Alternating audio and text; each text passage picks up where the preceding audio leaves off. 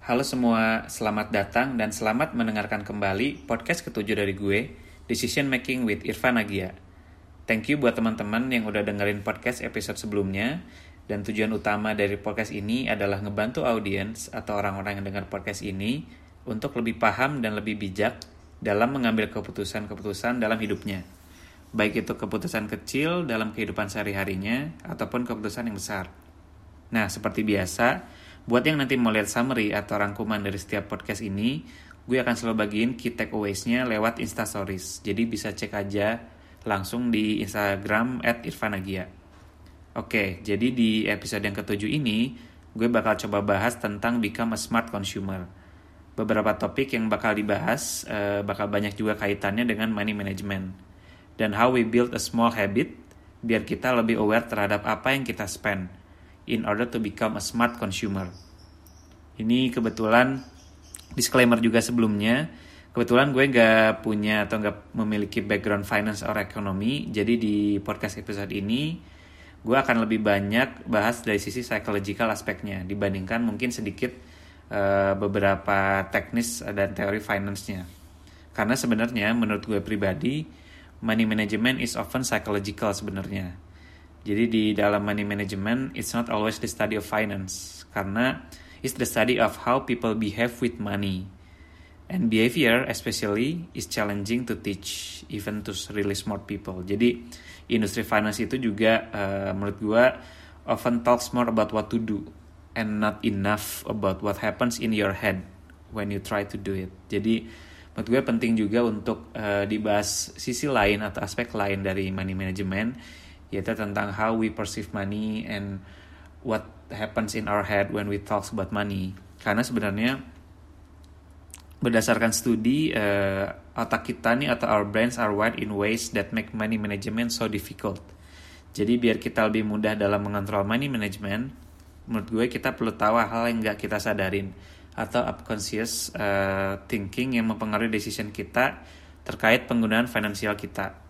Nah sebelumnya mungkin uh, teman-teman ada yang pernah dengar nggak ya tentang hedonic treadmill. Jadi ini adalah teori yang ngasih tahu atau menyatakan bahwa kita semua nih human punya set batas baseline untuk kebahagiaan kita. Jadi kita masing-masing punya set level kebahagiaan yang konstan, yang uh, selalu uh, levelnya sama. Jadi uh, in the end apa pun yang terjadi sama kita, our state of happiness will recover to the same level.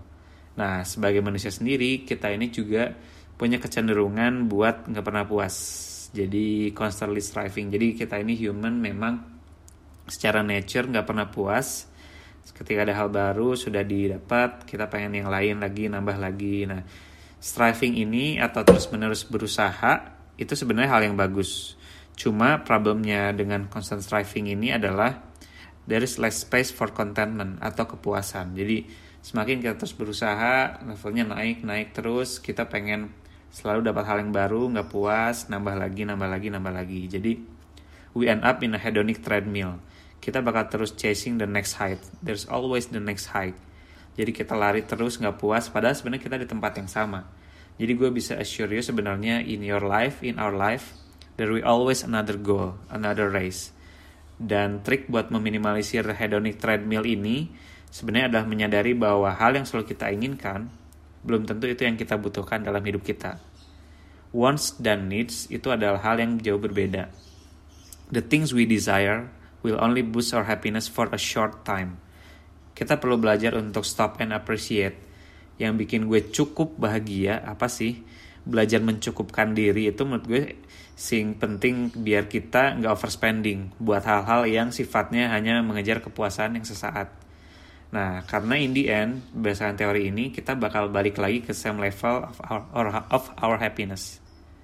Nah, psychological uh, bias yang kedua, itu sebenarnya adalah uh, otak kita ini punya kesulitan dalam memvalue atau memberikan nilai pada hal-hal yang bersifat future atau bersifat ke depan. Nah, kita ini punya kesulitan menilai sifatnya tuh forecasting. Nah, kalau di psikologi sendiri, si fenomena ini, kesulitan kita dalam menilai atau memberikan value terhadap something in the future, itu namanya intertemporal discounting. Jadi fenomena ini sebenarnya berdasar dari prinsip behavioral economic, yang menyatakan kalau sebenarnya we don't value things in the future as much as we value things today. Jadi semakin jauh jarak waktu bendanya, the less we value it. Karena itu kita sebenarnya bad at thinking about future benefits. Jadi sebenarnya uh, menurut gue sendiri jujur cukup sulit kalau misalnya gue kasih contoh untuk encourage orang-orang muda atau umur-umur kita nih untuk menyiapkan dana pensiun atau saving for retirement. Terutama untuk orang-orang yang usia masih muda kayak uh, di umur 20-an lah ya. Kenapa? Karena sebenarnya secara prinsip pensiun itu adalah is such a far off goal. Jadi masih tujuan yang masih jauh banget apalagi uh, eh, gue ngerti mungkin banyak anak muda yang belum ngerasa perlu menyiapkan dana pensiun karena uh, most often it's off from our radar karena orang lagi masa-masa produktifnya gitu ya lagi masih muda lagi fokus kerja kapan gue fokus kerja dan kenapa sih gue perlu fokus untuk pensiun? Padahal gue lagi semangat semangatnya untuk kerja gitu lagi heboh hebohnya ngumpulin uang lah ya. Nah untuk beberapa orang bahkan most of the people gue yakin saving money is hard. Karena kita banyak banget digoda sama lingkungan dan juga sebenarnya fenomena psikologis yang umum terjadi terutama di masa sekarang yaitu namanya FOMO atau fear of missing out. Itu adalah fenomena psikologis ketika kita itu takut uh, untuk ketinggalan sama tren. Kayak contohnya gue buka Instagram terus lihat lihat teman-teman gue atau orang-orang gue follow doing all these fun things. Jadi wajar sebenarnya kalau gue pengen juga jadi bagian dari hal tersebut even if it's costly jadi misal orang lain pada keluar negeri lah pada lagi hangout terus ke konser-konser terus juga misalnya doing something uh, meaningful. Pada itu sebenarnya uh, adalah ketakutan kita tertinggal dari tren. Itu secara nggak langsung mendorong kita juga untuk melakukan hal tersebut. Walaupun sebenarnya itu costly dan kita perlu juga spending untuk melakukan hal tersebut. Nah, padahal sebenarnya dana da, banyak banget dana-dana yang harus kita siapin di in the future. Salah satunya yang sering gue pribadi juga luput adalah dana pensiun gitu ya, investasi untuk di sana. Padahal itu sebenarnya aspek yang esensial dan wajib wajib banget buat disiapin. Kita perlu develop wealth kita juga buat gain financial freedom in the end. Nah, financial freedom ini kayak semacam kebebasan finansial lah jadi kayak if you want to work like you don't need the money or be alright even when you lose your job by tomorrow, you need to build wealth. Lu harus punya wealth dan in the end uh, goal goal akhir lu adalah financial freedom. Nah, untuk membangun wealth ini sendiri, kita perlu punya surplus atau saving dengan uh, earning more dan spending less. Nah, ini sebenarnya kita udah masuk di money management gimana sih kita uh, caranya untuk uh, tahu dan mengatur uh, terutama spending kita ya kita lebih conscious terhadap hal-hal uh, tersebut nah gue nih punya temen uh, namanya Michelle dan Carol Sajang Bati. Jadi uh, mereka berdua ini kakak beradik yang udah lama kerja di sektor wealth management di Maesa Consulting. Jadi ini lembaga yang selalu sertifikasi terutama di bidang-bidang uh, certified wealth management.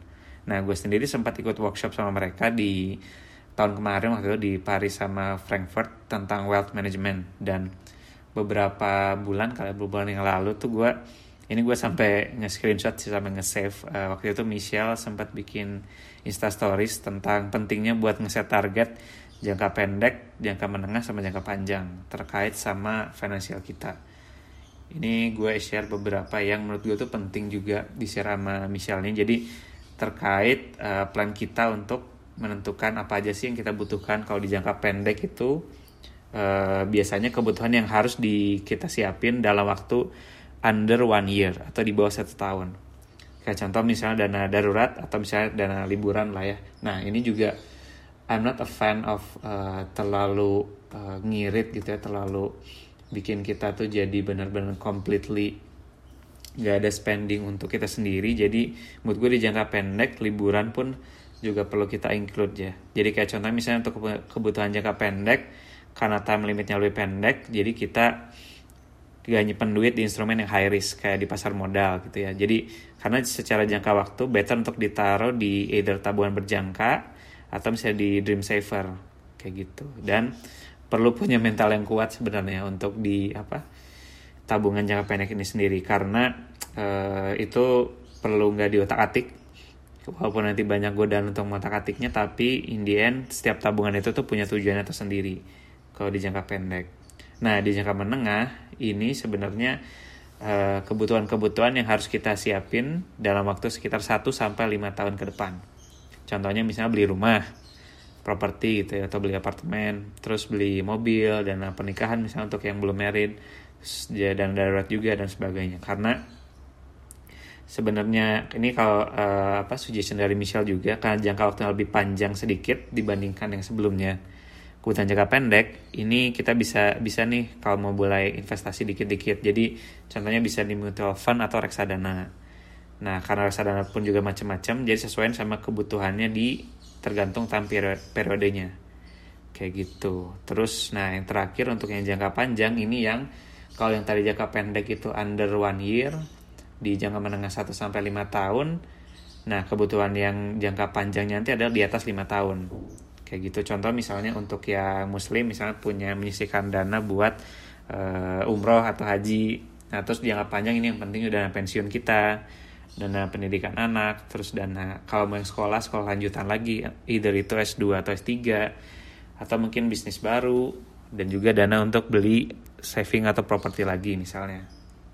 Kayak gitu.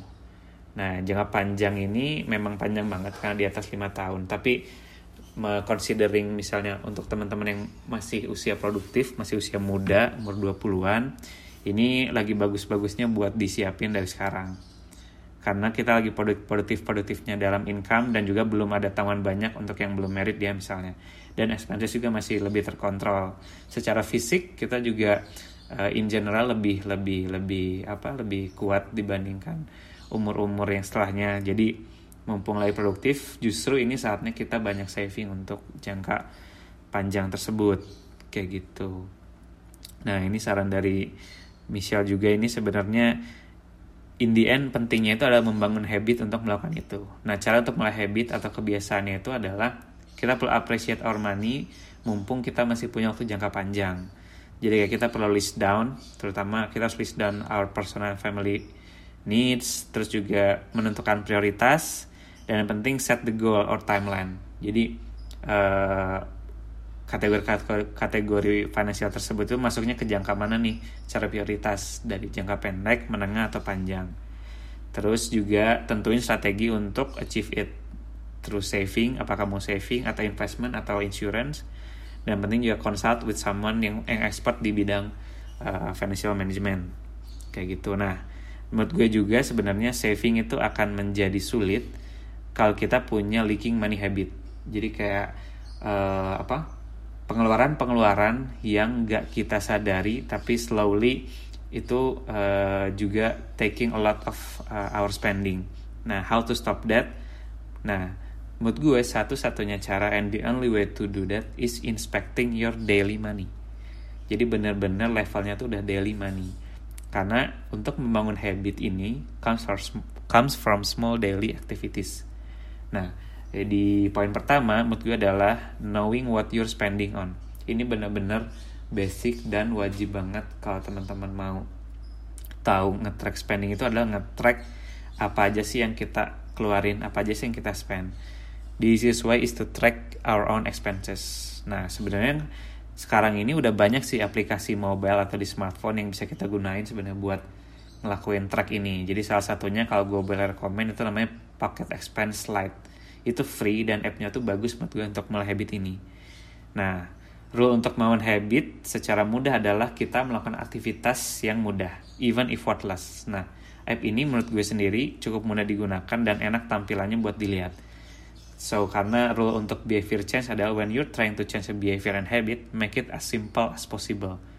So, it give you no more, no more room to excuse. Jadi, setiap kali kita melakukan pengeluaran masukin ke sana dan kita bilang juga digunakan buat apa di app ini juga enaknya kita bisa bikin banyak kategori dengan banyak icon-icon kayak misalnya untuk apa untuk baju untuk kopi untuk gym dan sebagainya nah yang kedua yaitu kita review our spending together dengan daily routines nah setelah itu kita coba nih satu bulan kita melakukan hal itu kita lihat daily expenses kita apa nah kita bakal dapet nih gambaran kira-kira per bulan kita punya pengeluaran berapa. Dan kita kemudian juga bisa dapat gambaran gambaran gambaran umum lah ya per tahun kita punya pengeluaran rata-rata berapa.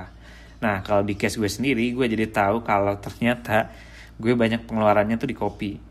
Bahkan ada beberapa hari yang uh, tanpa gue sadari, uh, sebenarnya kalau setelah gue track itu gue bisa beli sampai dua kopi sehari. Nah, terus juga dengan ngeliatin daily expenses, beberapa bulan lalu gue jadi tahu hal yang gue sadari adalah pembelian buku. Yang gak gue sadari itu adalah pembelian buku. Nah gue gue sendiri bisa spending lebih dari 500 ribuan lah buat beli buku gitu ya. Yang sebenarnya uh, Indian end up di lemari gue. Gue beli buku saat gue masih punya buku yang belum habis gue baca gitu. Jadi kayak semacam uh, cukup ini juga ya agak impulsif juga terkait buku. Nah setelah kita punya gambar tersebut kita jadi tahu nih daily kita uh, di apa yang sebenarnya nggak kita sadarin tapi it ends up uh, eating a whole portion of our money. Kita membuat slight adjustment. Nah seperti yang gue bilang sebelumnya gue ini kebetulan bukan pangat paham yang going cold turkey. Yaitu kita sampai harus berubah drastis dalam manage uang kita ngorbanin hal yang bikin kita happy dan sebagainya. After all, the idea of working toward financial freedom is not to deprive yourself completely. Karena because you know what it will backfire. Sama aja kayak misalnya kalau kita analogin sama diet. Kalau kita benar-benar ekstrim gitu ya ngorbanin apa yang biasa kita suka makan benar-benar completely menghilangkan kebiasaan itu kita akan balik lagi ke state nomor kita ujung-ujungnya. Karena rule dalam habit itu deprivation always backfire kayak gitu. Instead yang bisa kita lakukan adalah make a slight adjustment. Jadi uh, penyesuaian sedikit atau penyesuaian uh, beberapa tapi nggak terlalu ekstrim. Jadi contohnya kalau dari case gue sendiri gue bisa beli yang dari yang gue bisa beli kopi tiap hari gue bisa coba jadi 2 sampai tiga hari sekali aja misalnya.